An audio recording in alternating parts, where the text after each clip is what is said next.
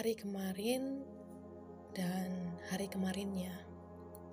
Hmm, juga hari ini, Puan menangis ketika akan tidur. Puan sudah mematikan lampu. Puan sudah berdoa. Puan sudah berada di posisi yang nyaman. Ya, nyaman.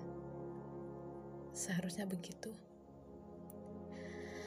Hmm, tapi Puan tidak bisa tidur.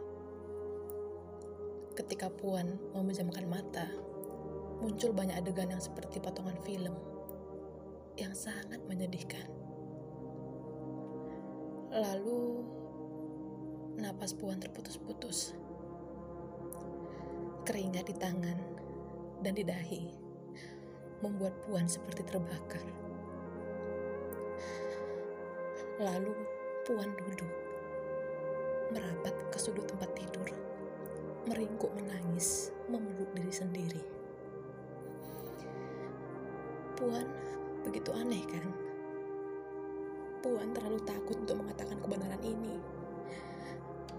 Puan takut orang-orang akan menganggap Puan kurang sehat.